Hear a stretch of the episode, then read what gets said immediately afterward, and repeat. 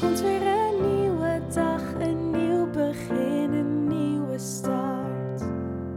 Je wordt vanzelf verrast. Dus lach niet, heb het leven lief. Ook al heb je zorgen, pak het met beide handen vast. Dit is de Alles is Liefde podcast.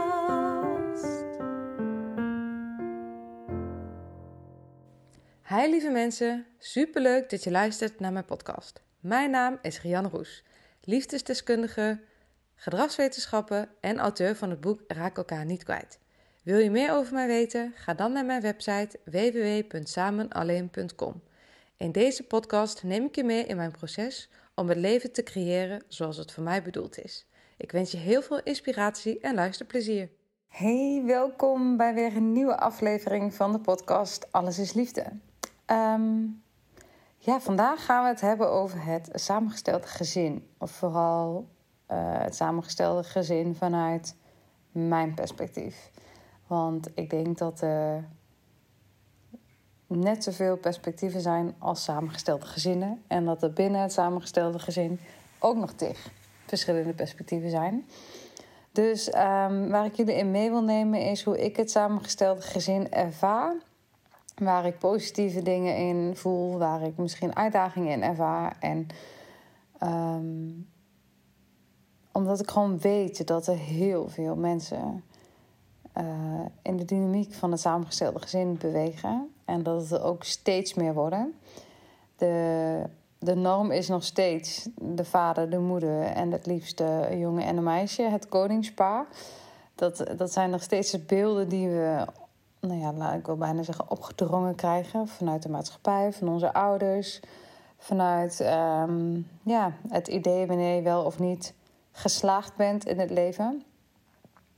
Daar kijk ik inmiddels gelukkig heel anders naar. En uh, dat heeft natuurlijk te maken met mijn eigen ervaring. En ja, soms vind ik dat ook wel ingewikkeld. Dat zodra je dan iets hebt meegemaakt, wat je hele perspectief over jezelf en over de wereld en over ja, wat het te doet in het leven verandert, dat, dat het dan ineens ook zo anders voelt allemaal. En dat je dingen kunt gaan zeggen die je een paar jaar geleden gewoon niet voor mogelijk had gehouden. En nou ja, voor mij is dat samengestelde gezin daar een voorbeeld van.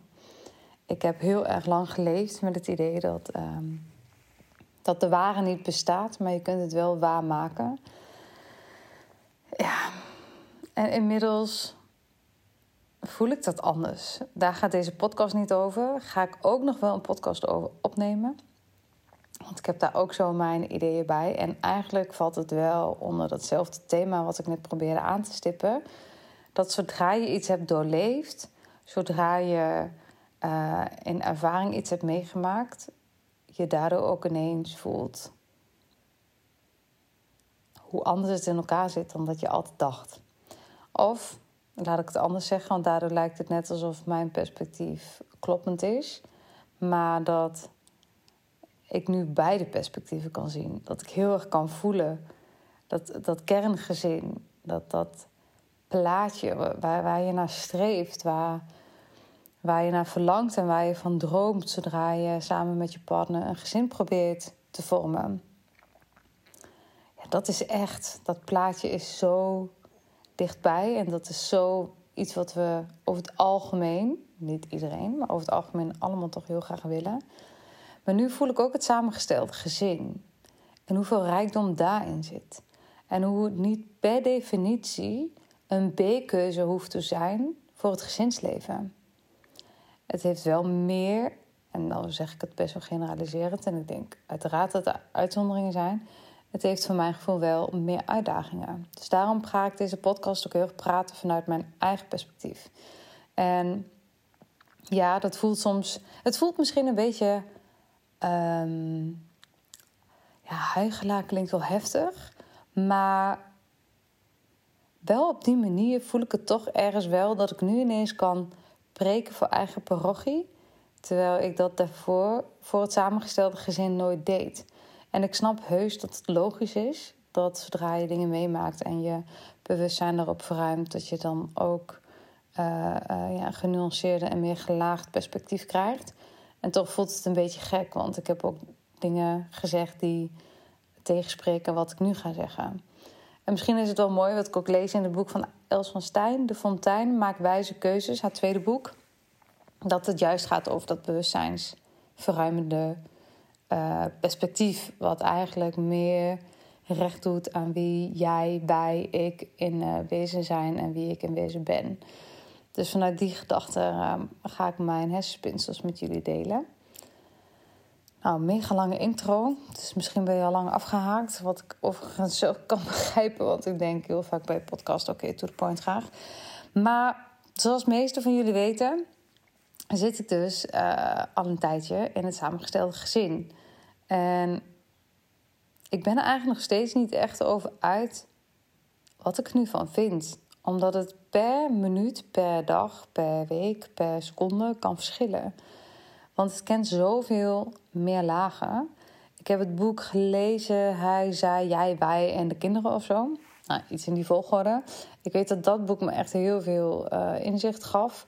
Uiteraard ook mijn opleiding uh, tot systeemtherapeut, die over als iets een, een, een systemisch gedachtegoed kan gebruiken, is het wel het samengestelde gezin. Omdat er zoveel niveaus, zoveel lagen en perspectieven in zitten, zonder dat er maar één waarheid is nou daar doet de, de, systeemtherapie heel veel recht aan. Dus ik heb ook zeker baat gehad bij, uh, ja, bij mijn professionele achtergrond om me staande te houden in de dynamiek van het samengestelde gezin. Waarbij ik ook weer moest oppassen dat ik het niet allemaal te professioneel ging bekijken en te veel ging rationaliseren, waardoor ik mijn eigen gevoel er niet helemaal liet zijn. Um, en daar probeer ik ook nog steeds een balans tussen te vinden. Want soms vind ik gewoon echt iets en voel ik van alles, maar weet ik ook het is niet, het is niet redelijk. Het is een trigger in mijn eigen vraagstuk of een trigger in mijn eigen overlevingsmechanisme. En nou ja, om daar dan een weg in te vinden, hoe reguleer ik mezelf, maar hoe laat ik ook het gevoel wat er is toe in mij, hoe laat ik het door me heen stromen, hoe kan ik het dragen zonder het weg te maken.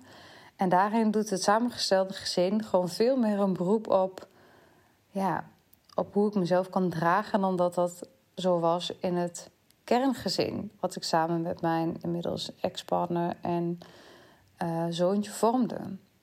Natuurlijk kennen we ook onze patronen en dynamiek. En zijn we heus niet voor uh, Jan Lul uit elkaar gegaan.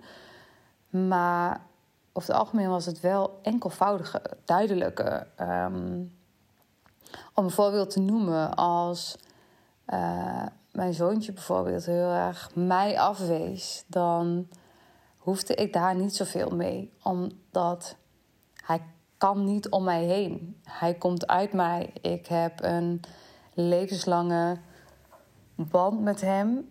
Een onlosmakelijke verbinding. Um, we zijn voor altijd in bloed verbonden. Ook al zou hij nooit meer iets met me te maken willen hebben, dan nog Um, dat klinkt een beetje als een bedreiging. Maar dan nog kan hij niet om me heen. En dat voelt op een, gek op een gekke manier ook zekerder. Weet je, je hoeft er niet voor te werken. Het is een zijnsloyaliteit, zoals dat dan zo mooi heet. En niet een verworven loyaliteit. En dat is met de kinderen van mijn partner natuurlijk anders. Um, met hen heb ik wel de verworven loyaliteit. Plus dat ze mij en maar zomaar gewoon bijkregen. En niet per se gekozen hebben voor mijn aanwezigheid. Dus dat maakt het ook anders dat op het moment dat zij aangeven van um, we moeten hier niet. Dat komt dan veel harder binnen. En ook is het veel wiebeliger welke plek ik dan heb. Weet je, bij mijn zoontje voel ik gewoon, ja, maar ik ben jouw moeder. Dus je hebt met mij te doen. En ik snap dat het de ene keer heel fijn is en de andere keer uh, helemaal niet. Maar in de plek met, uh, met de kinderen van mijn partner ben ik nog zoekende soms. Welke plek mag ik hebben?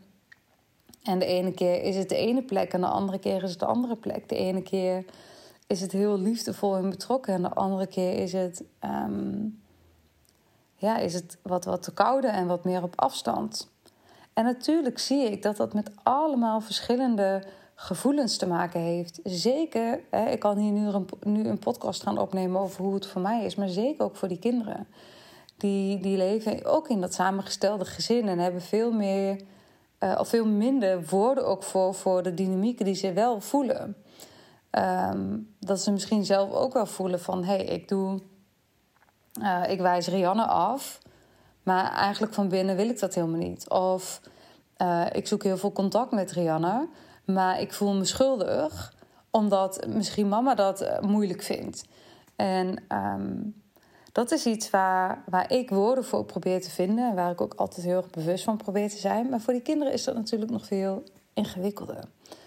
Um, dus ook zij hebben de uitdaging om heel veel van zichzelf te dragen in de dynamiek van het samengestelde gezin. En er komt nog eens bij, en dit is niet een heel populair perspectief, denk ik, om te noemen. Um, ik heb ook niet per se, ik heb gekozen voor mijn partner ik heb niet met hem gekozen voor, deze, voor, voor, dit, voor de kinderen die daarbij komen. Dus ook voor ons is het zoeken naar een manier waarop we kunnen uh, vermengen. Zonder dat we in de illusie leven dat we een kerngezin zijn. En de ene keer heb ik precies hetzelfde als de kinderen. De ene keer voel ik heel veel ruimte om op dat kinderniveau aan te sluiten en daar helemaal bij aanwezig te zijn. Zoals elke ouder dat heeft. Maar op een verworven loyaliteit brengt dat een geven en nemen balans meer uit evenwicht dan wanneer je dat uh, hebt in, in de biologische band met je kind. Want dat is dat de, de dans die je met elkaar uitvoert. En die, die, die zijnsloyaliteit is per definitie uit balans. Dus dat maakt het best wel ingewikkeld. Plus ook nog eens dat um, je een andere band hebt, wat ik net eigenlijk al schets, met je eigen biologische kind dan met de kind of kinderen van je nieuwe partner. En um, dat wil je niet. Je wil het eigenlijk allemaal gelijk voelen, maar het is niet gelijk. En daar zit een verschil tussen waar, denk ik, nou ja, daar ga ik toch iets algemeens over zeggen waar denk ik mensen soms aan voorbij gaan. Ik geloof er heel sterk in dat het heel belangrijk is om onder oog te komen op welke manier de onderlinge banden verschillen van elkaar. Ja, en dat is soms best wel ingewikkeld, maar ik geloof ook dat leven in de illusie dat het allemaal gelijk is en doen alsof het een kerngezin is, terwijl het een samengesteld gezin is, is voor mijn gevoel een rondje door een vierkante kubus proberen te drukken. Dat gaat niet. En um, dat is ook niet zoals ik het wil zien. En dat maakt ook dat het soms. Um, het is voor mijn gevoel, dat is een woord wat ik heel belangrijk vind. Mensen die mij vaak van dichterbij kennen, die moeten misschien een beetje lachen, maar het is voor mij dan congruent. Het klopt. De woorden die we geven aan de situatie kloppen met hoe de situatie werkelijk is. Dat is voor mij veel fijner. Dat voelt voor mij veel zuiverder en dan kan het ook meer stromen dan dat je doet alsof je iets bent wat je, ja, wat je gewoon niet bent. In dynamiek en in welke manier dan ook. In banden onderling. Maar dat maakt het bijvoorbeeld, dat, dat is iets wat ik dan echt wel soms als een nadeel ervaar, of een uitdaging, moet ik zeggen, dat, dat mijn partner niet op dezelfde manier houdt van mijn kind als ik, maakt ook dat hij niet dezelfde dingen opmerkt in kleine uh, veranderingen of in uh, hoe je met gewoon met hoe je met genegenheid naar je eigen kind kan kijken. En dat uit zich vooral ook heel erg in, in de babytijd. Uh, bij elk nuanceverschil. Dat je als ouder met elkaar dat oogcontact hebt en voelt wow. En dan gewoon in energie voelt dat er eenzelfde soort van gedeelde trots door jullie heen gaat. En dat, dat dat zo verbindend kan werken in een, relatie um, als ouders. En dus ook hoe dat dan invloed kan hebben en positief door kan stromen in de relatie als partners.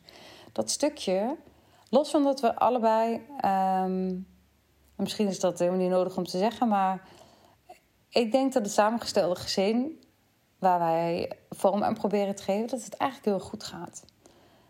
Um, En de kinderen gaan hartstikke goed samen. Ik heb uh, hele warme gevoelens voor zijn kinderen. Hij voor mij. We zijn betrokken op elkaar. We zorgen voor elkaar. Um, maar toch is zijn blik naar mijn zoon anders dan die van zijn vader. En dat is logisch. Maar dat is soms wel pijnlijk en eenzaam. En dat kan ik mijn partner niet verwijten op geen enkele manier. Dat doe ik ook helemaal niet. Maar het kan soms wel even zo alleen voelen. Omdat je denkt, ja, maar dit of dat, of dat is knap, of dit is... Weet je, zoals je als ouder zo ja, buitenproportioneel trots kan zijn op je kind.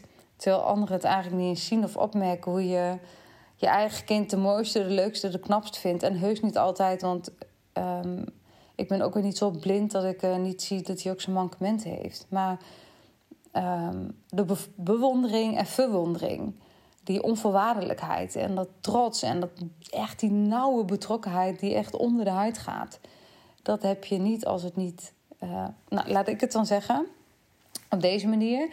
Dat heb ik niet. Um, op de manier zoals hij dat heeft met zijn kinderen. En hij heeft het niet op de manier zoals ik dat heb bij mijn kind. En dat is oké, daar hebben we het ook over. Maar dat is wel een, um, ja, een uitdaging en iets wat je, um, ja, wat je soms wel kan missen in dit samengestelde gezin. En ik weet helemaal niet of er uh, mensen zijn die luisteren die dit herkennen. Misschien zijn er ook wel mensen die luisteren en zeggen: Nou, dat herken ik eigenlijk helemaal niet, want voor ons is het wel heel erg gelijk allemaal. Ik merk gewoon, als ik heel eerlijk ben, voor mij is dat niet zo. Um, betekent niet dat ik ze met heel veel liefde um, benader en dat ik het heel heerlijk vind om in dit samengestelde gezin te mogen zijn. Want het heeft ook zoveel mooie dingen die het brengt. De, de dynamiek met elkaar, uh, als we met z'n vijven aan tafel zitten met drie kindjes en dan um, mijn partner en ik. Ja, dat is een hele andere beleving dan um, één op één hier met mijn zoontje te zitten. Maar het is ook niet altijd beter. Het is dynamischer, maar het is ook onrustiger. Als je met vijf mensen aan tafel zit, is er meer kans dat er gedoe ontstaat dan dat je met twee mensen aan tafel zit. En als ik alleen met mijn zoontje ben, is het best wel heel rustig met z'n tweeën. Hij doet zijn ding en ik doe ook best wel vaak mijn ding. En we doen ook wel dingen samen. Maar omdat het één op één is, is het veel kalmer. Ja, dat hoef ik je natuurlijk niet te vertellen. Als je met z'n tweeën bent, is het een heel ander gevoel dan wanneer je met z'n vijven bent. Kijk maar als je met vrienden of met vriendinnen bent. Nou ja, dan is het in het gezin natuurlijk nog weer anders, omdat ook al die onderstromen spelen. En ik hou heel erg van het feit dat, um, ja, dat ik van al die werelden wat mag meemaken. Dat we hebben een latrelatie, zoals jullie misschien uh, inmiddels al wel hadden geconcludeerd nadat ik dit heb gezegd. We wonen super dicht bij elkaar. Ik denk uh, eh, 200 meter. Het is echt letterlijk uh, drie minuten fietsen.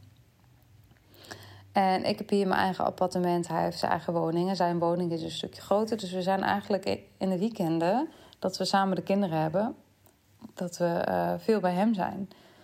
Maar op de dagen dat de kinderen naar school moeten en sport hebben en hun eigen dingen doen, zijn we ook weer twee dagen apart.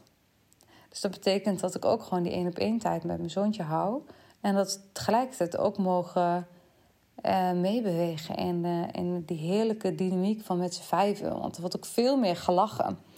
Ik lach tien keer meer als we met z'n vijven zijn dan dat ik alleen thuis ben. Omdat je dan toch meer ja, je eigen ding doet of dat hij een vriendje spelen heeft, dat helemaal oké is. Maar het is wel fijn om die combinatie te mogen hebben. Keerzijde daarvan is dat je soms jezelf echt een chronisch verhuisbedrijf, chronisch verhuisbedrijf, nou, uh, dat ik echt continu voel, ik ben spullen aan het pakken. En um, ik ben aan het organiseren wat waar naartoe moet. En naar wie en wat mag ik niet vergeten. Er is een voetbaltas, er is een schoolschimtas, er is een schooltas, er is een wisseltas die ik heb met, um, uh, met mijn partner of uh, met, mijn, met de vader van mijn zoontje. Um, een deel van de spullen heeft mijn zoontje bij, bij mijn partner dubbel, maar een deel moet ik ook elke keer meeslepen. Ik moet aan mijn eigen spullen denken. Ja, en dat, dat vind ik soms echt de hel, want je moet steeds weer voegen en vormen en een soort van, je ziet het niet, maar ik maak een beetje een fluïde beweging. Je moet steeds weer, ja, wordt er een beroep gedaan op je flexibiliteit en op je veerkracht. Maar als het dan eenmaal weer geland en gezetteld is, is het, ja, is het ook magisch. Dus het kent heel veel verschillende, ehm, ja, het kent gewoon heel veel verschillende lagen. Wat ik net ook zei over dat dat je als ouder of ouders naar je eigen kinderen kijkt en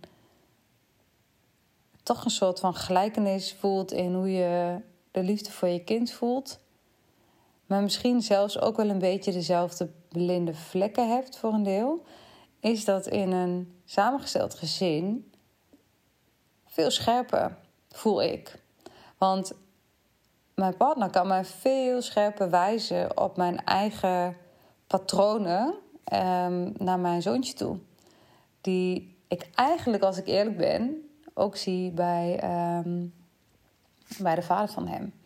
En wat ik bij mezelf merk, is dat ik dan toch... Hij roept bijvoorbeeld, ik wil Ranja. En ik sta op om Ranja te halen. Ja, hij is fucking zeven. Dus ik kan ook zeggen, loop zelf. Maar dan zeg ik dat bijvoorbeeld, van ja, loop zelf. En dan is hij degene die zegt... Uh, oh, weet ik veel, een hoop commentaar. En denk ach, ik heb geen zin in gedoe, dus ik sta in de keuken te maken. En dat zijn hele kleine dingetjes, maar die spiegelt mijn partner me wel. Of, um, en ik, zal dat, ik doe het andersom bij, bij hem ook. Dus je maakt elkaar um, ook scherper, bewust van je eigen patronen als opvoeder. En dat is niet altijd leuk om te horen, omdat je als niet-biologische verzorger heb je een ander recht van spreken. Dus je kan de dingen supergoed zien. Mijn partner ziet ongetwijfeld nog veel meer dan, dan dat hij zegt tegen mij. Ook omdat je voelt dat het heel kwetsbaar is om iets over iemand anders opvoedersrol of over iemand anders kind te zeggen. Zeker omdat er zo'n groot belang is om het in harmonie te laten verlopen. Of in ieder geval om het harmonieus te laten zijn. Het hoeft niet allemaal. Het is dus zoals gedoe. Maar dat het wel harmonieus is. En je merkt meer dat je bewust bent van de dingen die je doet of wel doet of niet doet. Um, hoe dat invloed heeft op, op dat harmonie. Ja, harmoniemodel zou ik het eigenlijk ook niet willen noemen. Maar je proeft al heel erg de intentie dat je allebei heel graag wil. Of dat je alle vijf hoop ik. Maar in ieder geval mijn partner en ik, dat we heel graag willen dat dat um, dat het in balans blijft en dat we daar ook heel fijngevoelig in zijn. Dus zodra, um, wat ik ook gemerkt heb, bijvoorbeeld in de zomervakantie, toen was er gewoon heel veel geweest. We hadden de jeut, um, veel gewerkt, uh, ziek, nou, allerlei dingen die uh, best wel pittig waren. Ik vond de vakantie als samengesteld gezin ook pittig. En in zeven dagen fulltime met elkaar, uh, met z'n vijven op elkaars lip. Nou, dat vond ik best wel, best wel heftig. Ook veel minder tijd voor elkaar kunnen hebben dan dat we dachten. Dus we werden echt een beetje geleefd. Ik zag later een filmpje dat iemand ook zei... als je met je gezin op vakantie gaat, is het niet per se vrij. Het is eigenlijk een verschuiving van je workload. Nou, zo heb ik het ook echt wel ervaren. Maar niet van tevoren mijn verwachtingsmanagement heel erg op aangepast. Dus ik was daarin wat gefrustreerd. Uh, hij was wat gefrustreerd. En dat heb ik echt heel erg gevoeld in het samengestelde gezin. Als je als partners, dus als liefdeskoppel, um, ben je echt meer nog voor mijn gevoel dan in het kerngezin een basis voor de kinderen. Zodra je voelt dat het tussen jou, jullie, en misschien herken je dat niet hoor, maar ik heb het wel zo gevoeld. Als er onrust is, of je komt er niet goed uit, of je zit een beetje vast in, in, ja, in, in, in wil iets over de polyfagaal-theorie eh, zeggen. In rood, hè, dat je voelt, we vinden elkaar even niet meer... omdat we te veel in onszelf ook uh, struggles ervaren...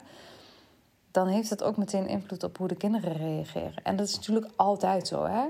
En in de kerngezin ook. Maar ik heb dat in dit samengesteld gezin als meer heftig ervaren... dan hoe ik dat heb gehad, heb, had in, um, ja, in de kerngezinssituatie.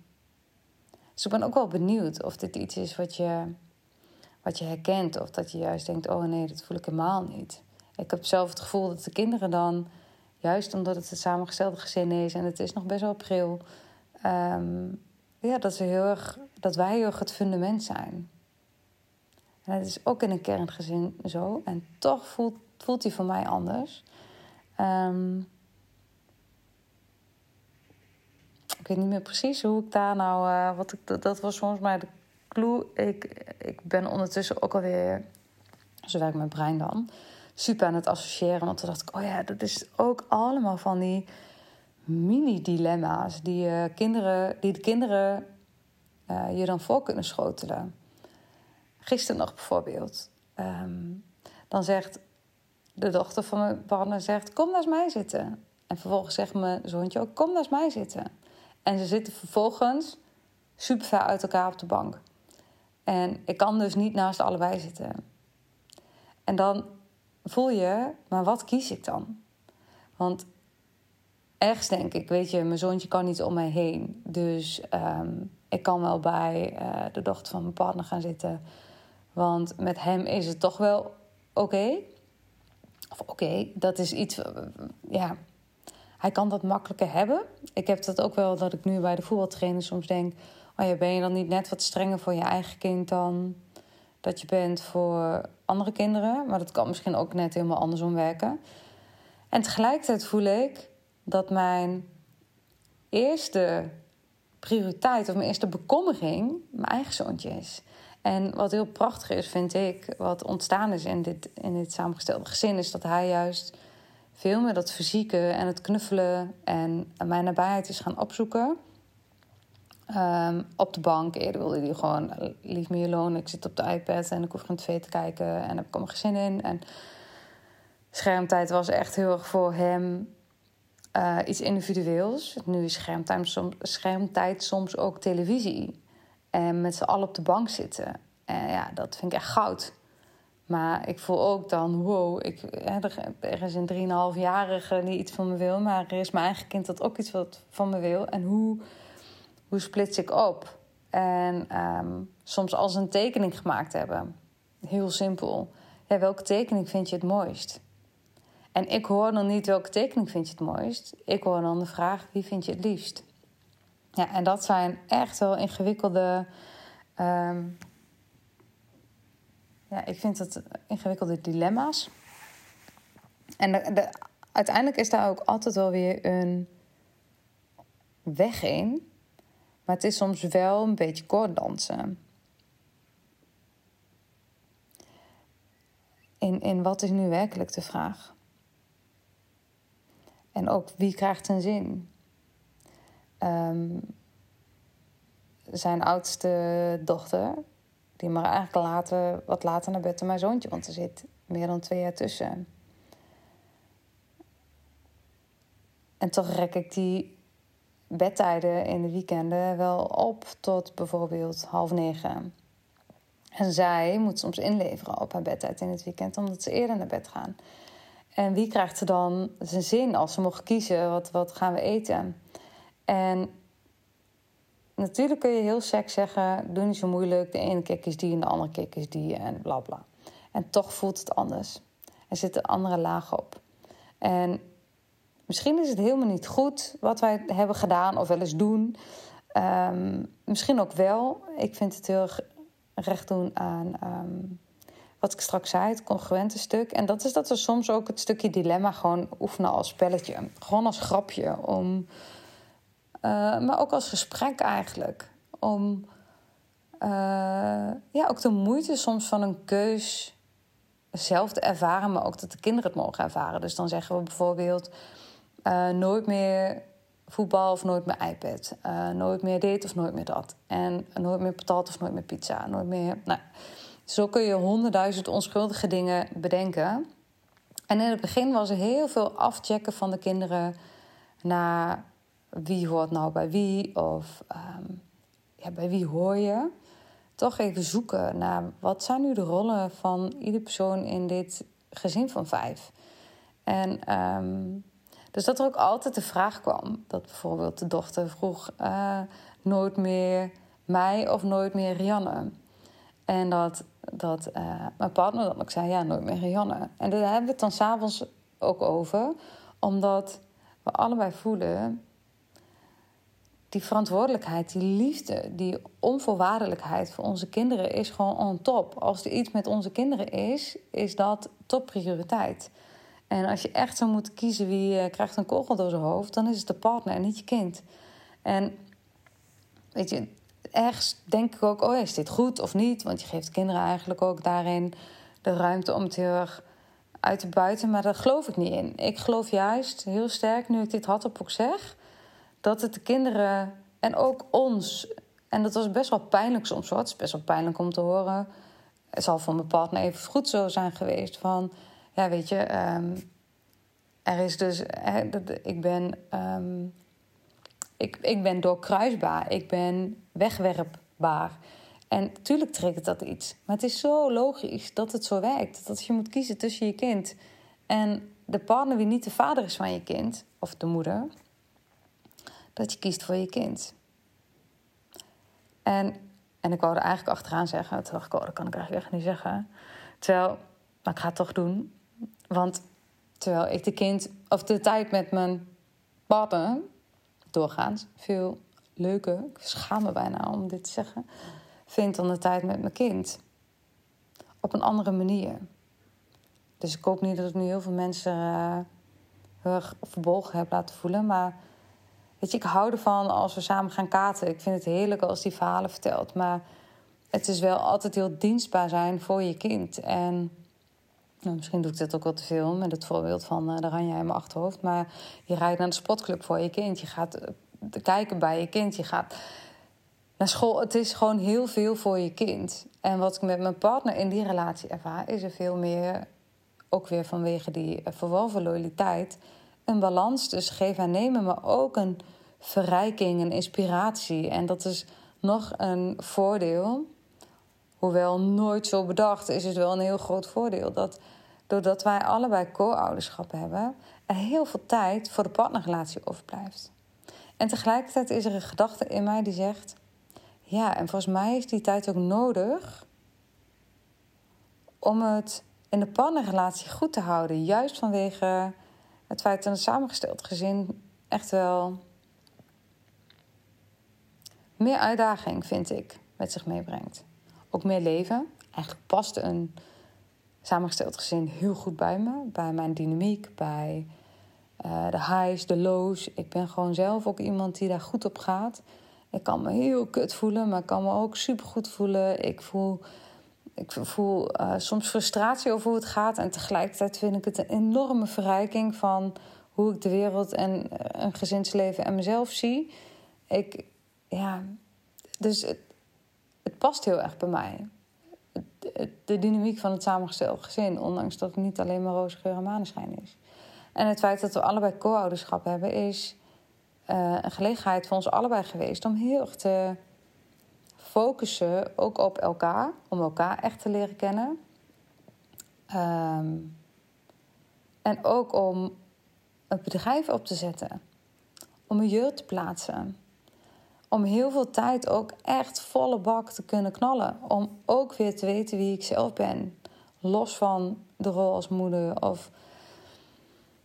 Nou, dat is zeg ik misschien niet helemaal goed, maar wel, ik merk daar wel, er zit wel iets in, in wat het me gebracht heeft.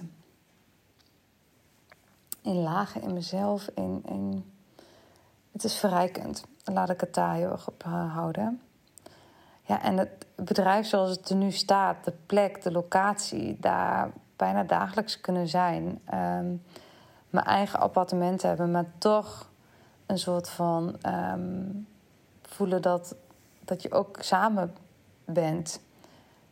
Ja, ik, ik vind het soms onrustig, ik vind het vermoeiend, maar ik vind het vooral verrijkend. En ik hou van de dynamiek. En mijn partner heeft echt fantastische fantastische kinderen. En het blendt en mengt heel goed met mijn zoontje. En om dat mee te mogen maken is, is echt goud. En ook dat is niet helemaal het hele, het hele verhaal. Dat is niet het volledige perspectief. Want ik vertrek altijd met mijn zoontje weer uit dat gezin. En soms vind ik het ook wel confronterend in het feit dat ehm, de vader van mijn zoontje en ik het niet per se bij één kind hadden willen laten. En dat door de miskraam en het hele medische verhaal, wat uh, dat ik eerder een podcast over opgenomen, wat, maar wat er achteraan kwam, is, is ons zoontje groeit op alleen. En ik vind het fantastisch dat die twee uh, soort van zusjes noemt hij het altijd. Ik ben nooit goed in hoe ik die termen moet noemen, want ik wil niemand beledigen, maar ik wil niemands plek innemen. Maar ik wil het stief, dat uh, roept mij ook niet allemaal hele positieve assumpties op. Dus um, ja, mijn zoontje noemt dan mijn partner een soort van papa en een soort van zusje en een soort van zusje. Maar dus dat, dat hij in die dynamiek mag leven en hoe, hoe goed hij daarop gaat, vind ik, vind ik een geschenk. Maar de keerzijde van die medaille is dat het soms ook wrang is, omdat zij zijn altijd met z'n tweeën. Vende, mijn zoontje het Vende, die um, ja, is eigenlijk altijd moet alleen weer hoppen. En als puntje bij paaltje komt, um, staat hij er ook voor een deel toch alleen voor. En is het nooit helemaal vol of nooit helemaal volledig of helemaal. Het, zal, het zullen nooit biologische kinderen van elkaar worden. Dan biologische broertjes en zusjes. Never. Je ook doet, gaat nooit gebeuren. En vanuit het perspectief van elke ouder is het natuurlijk goed. Dat, want je denkt, ja, Joe is mijn kind. En uh, dat is jouw kind, zo. Maar in het verlangen naar meerdere kinderen in het kerngezin van destijds... denk ik soms wel, oh ja, weet je, hij is altijd maar alleen. En als het uh, echt erop aankomt... Um, ja, dat, gewoon die gedachte bij alles wat ik zeg ben ik ook zo benieuwd of er mensen zijn die, uh, die dit herkennen. Die dezelfde dilemma's hebben of die dezelfde uitdagingen kennen. Of die misschien wel een compleet andere beleving hebben van, van het samengestelde gezin.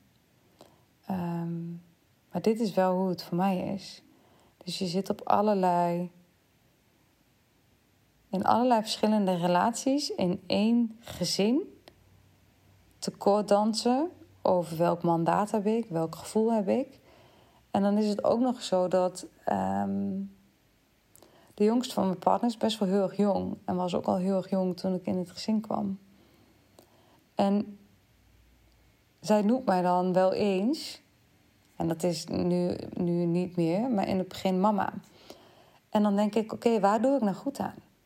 Waar doen wij nou goed aan? Wat doet recht aan um, ja, wat doet recht aan ook de, de biologische moeder, de daadwerkelijke moeder. Die, ja, dus je wil niet ergens op een plek gaan staan die al bezet is. Snap je wat ik bedoel?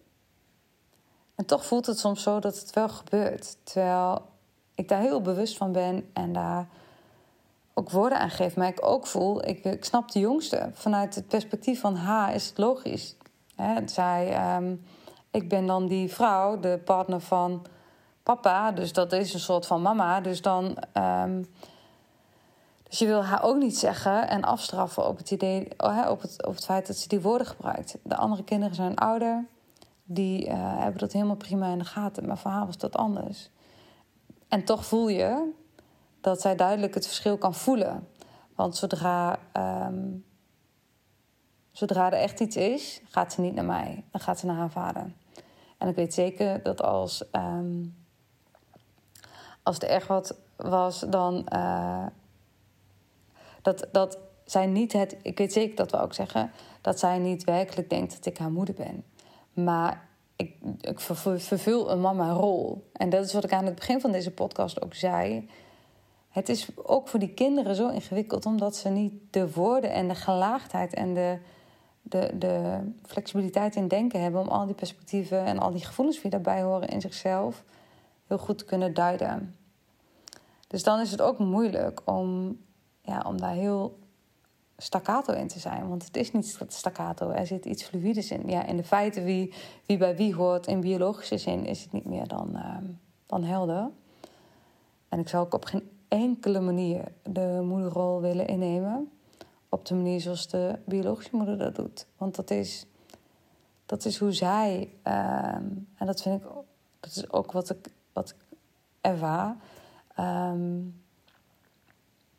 dat onze ex-partners als ouder hadden we echt geen, ja, hadden we geen betere, ehm, geen betere ouders kunnen wensen. Ik ben heel erg blij met hoe, uh, laat ik het bij mezelf houden, met hoe, hoe de communicatie ook gaat tussen de vader van mijn zoontje en mij. En tuurlijk zijn er wel verlangens of dingen die waarvan ik denk, ik zou willen dat dat ook nog wat meer ruimte krijgt. Het zijn nu best wel veel losse eilandjes. Mijn verlangen is wel dat dat gewoon wat meer met elkaar verbonden raakt. Maar er zit natuurlijk ook gewoon zeer en, en, en ongemak en misschien pijn in, in, ehm, ja, in het uh, verdwijnen, uh, verlies. Dat is wat ik zorg van, van de relatie. Met, ja, met het idee wat ik straks ook schetste je start niet een gezinsleven om vervolgens uit elkaar te gaan. Dat doet niemand. Daar geloof ik echt niet in. Ehm, en dat is een ander puntje wat eigenlijk een voor- en een nadeel is. Dat zijn de exen. Want het is bizar om te ervaren dat uh, mijn ex-partner in mijn WhatsApp bovenaan staat met meest gebruikte chats met. Die staat eigenlijk, echt, de, de, de, als je WhatsApp hebt, altijd vooraan. Want daar heb ik het meeste contact mee. Soms meer nog dan met mijn huidige partner. En dat vind ik ingewikkeld soms. En niet omdat we ruzie hebben of omdat het niet goed verloopt. En eigenlijk gaat communicatie alleen maar over, um, over onze zoon. En, en af en toe even wat uh, bij elkaar inchecken of, of, ja, of je er een beetje oké bij zit of niet. Maar daar houdt het mee op. En het, ja, misschien heb ik heel weinig met andere mensen, dat zou kunnen. Maar uh, ja, de exen zijn in die zin een voor- en een nadeel. Want ze zijn, wat ik net al zei, als ouders, als de kinderen bij, uh, bij hun vader slash moeder zijn, ja, met een meer geruste hart laat ik ze niet. Uh, laat ik ze niet achter. En ik weet dat mijn partner datzelfde heeft. Maar het is ook in een partnerrelatie ga je niet van niks uit elkaar. Zo heb ik met geen enkele uh, ex-partner, ex-vriendje van mij nog contact. Dus als je heel seks zou kijken, zou het contact vanuit het verbreken van de partnerrelatie eigenlijk eindig zijn. Omdat je ook nog met elkaar verbonden bent uh, als ouders, is het contact juist super intensief. En uh, zit je daar niet altijd misschien zo op te wachten. En ook niet als partner van zit je daar altijd op te wachten. Maar het hoort er wel bij. Het is de package deal. Je kan niet zeggen uh, dat deel doen we niet. Dus die, die, um, die hoort erbij. En ik geloof erin dat um, hoe meer je dat zo kan zien, hoe minder uh, energie het hoeft te lekken. Of te, of te geven, of te, nou ja, uh, energie het hoeft te kosten, laat ik het zo zeggen. Um, maar dat is een andere. Ja, dat is gewoon anders dan wanneer je in, het samengezin, of in een kerngezin bent. Of wanneer je als uh, koppel samenkomt terwijl er geen kinderen in het spel zijn. Want dan is 9 van de 10 keer de ex op afstand. En in het ouderschap is dat ondenkbaar. Gelukkig in ons geval. Want dat is weer uh, de, de keerzijde in positieve zin. Dat ja, ik zou mijn zoontje geen andere vader wensen dan zijn eigen vader. Maar de consequentie daarvan is, is dat je dus um, ja, veel contact hebt met elkaar. En dat dat een andere manier van afhechten vraagt. Het vraagt afhechten in de partnerrelatie, maar opnieuw verbinden in de oude relatie. En dat is, kan knap ingewikkeld zijn. En uitdaging met zich meebrengen, want je wordt ook geconfronteerd. Je kan eigenlijk niet je kan wel wat uit de weg gaan, meer dan wanneer je nog een partnerrelatie zou hebben. Maar je zult toch een weg en een manier moeten vinden om, met, om het met elkaar goed te hebben als ouders. En um, ja, die weg is soms best wel uh, uitdagend. En tegelijkertijd voel ik ook, ik ben ook dankbaar voor hoe het gaat. Dus dat is heel de hele tijd. En daarom zeg ik ook, het verschilt per seconde, per uur, per dag, per week, per maand.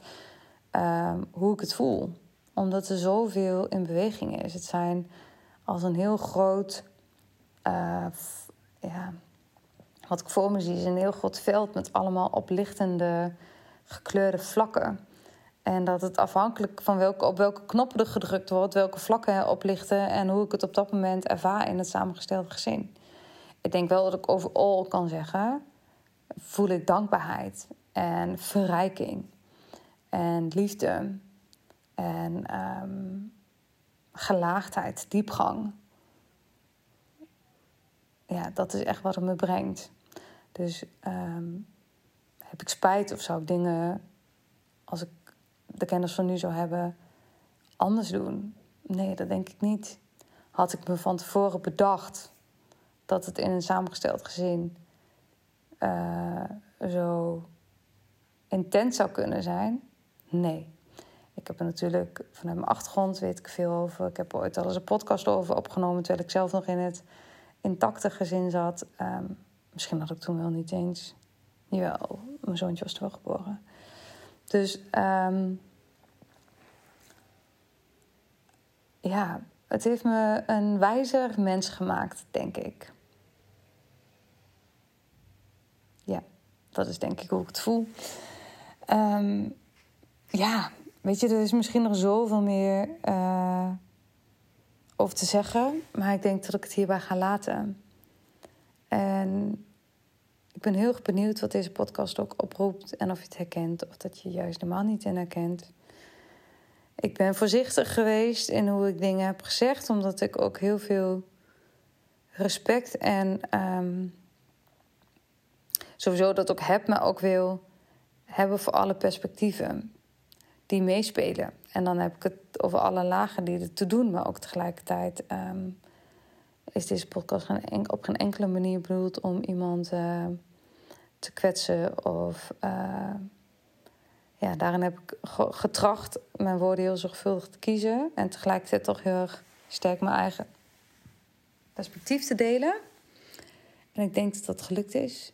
Um, want dat is het gekke. Ik neem deze podcast op met het idee dat stel je voor dat mijn ex-partner luistert. Stel je voor dat de ouders van, um, dus opa en oma of wie dan ook, of een vriendin van, uh, een vriendin van de, de ex-partner van mijn partner. Nou, hè, zo kan je duizenden lijntjes bedenken. Misschien moet ik daarmee scheid aan hebben, maar dat heb ik eigenlijk toch stiekem niet. Dus ik heb het geprobeerd heel erg vanuit mijn eigen perspectief te delen met jullie. Um, zoals ik het voel en ervaar. Ik denk nu terug aan wat ik allemaal heb gezegd. En van niks denk ik, oh, daar heb ik um, spijt van. Of daarvan ben ik mezelf niet trouw gebleven. Of heb ik een ander perspectief gedeeld dan, het dan dat het mijn eigen perspectief is. Nee, ik denk dat ik met zuiverheid kan zeggen dat ik heb gezegd zoals het voor mij is. Um, ja, nogmaals, ik ben heel benieuwd uh, wat het bij oproept. En ik dank je heel erg voor het luisteren naar deze podcast. En merk je nou zelf ook dat je in het stukje samengesteld gezin vastloopt? Of dat je met mij erover zou willen sparren? Of dat je voelt, um, ja, dit, dit, dit, ik begeef me op drijfzand en ik voel niet goed hoe ik uh, weer vaste grond onder mijn voeten kan krijgen schroom niet om mij een berichtje te sturen. En dan kunnen we altijd kijken hoe ik, uh, hoe ik je verder kan helpen in dit stuk. Um, ja, wat ik al zei, het boek kan ik je heel erg aanraden. Ah, jij zei wij en de kinderen of zo. En ik heb eerder een podcast opgenomen met Annelies Schrikker. Um, wellicht dat daar nog wat meer uh, verrijking voor je in zit. Um, en wat ik vooral mee wil geven, het gaat denk ik heel erg als je struggelt in het samengestelde gezin. Het gaat heel erg over um, een, een next level uitdaging om heel dicht bij jezelf te zijn of te komen. Je niet door van alles te laten triggeren. En dat kan eigenlijk alleen maar door met jezelf aan de slag te gaan. Zodra je geraakt wordt door iets in het, in het gezin, of door je partner, of door de partner van je kinderen, of door je eigen kind, of je ex, het maakt eigenlijk niet uit. Het leidt allemaal eigenlijk terug tot het hele van je eigen trauma's, tot het um, herkennen en ontdekken en bewustzijn van je eigen overlevingsstrategieën. Het gaat heel erg over het bewonen van je eigen lichaam. En het gaat heel erg over, en dat vind ik echt een hele krachtige zin, dat jij 100% verantwoordelijkheid neemt voor wat er in jou gebeurt. En geloof me, dat is niet eenvoudig, dat is niet makkelijk. Het is soms zo uh, pittig om dingen shit op te ruimen die misschien niet jouw fout waren, maar die wel in jou uh, anders blijven rotten, wou ik zeggen. Um, maar dat is denk ik wel wat het is. Dus voor dat deel heb jij zelf verantwoordelijkheid te nemen. En dat betekent niet dat je dat als je met mij in gesprek praat, gaat het dat het enige is wat je van mij te horen krijgt. Maar, um, want we kunnen ook heel erg exploreren over hoe werken systemisch gezien al deze lagen en lijntjes door elkaar heen. Loyaliteit, um, verworven loyaliteit, uh, zijnsloyaliteit, balans geven, nemen, noem het maar op.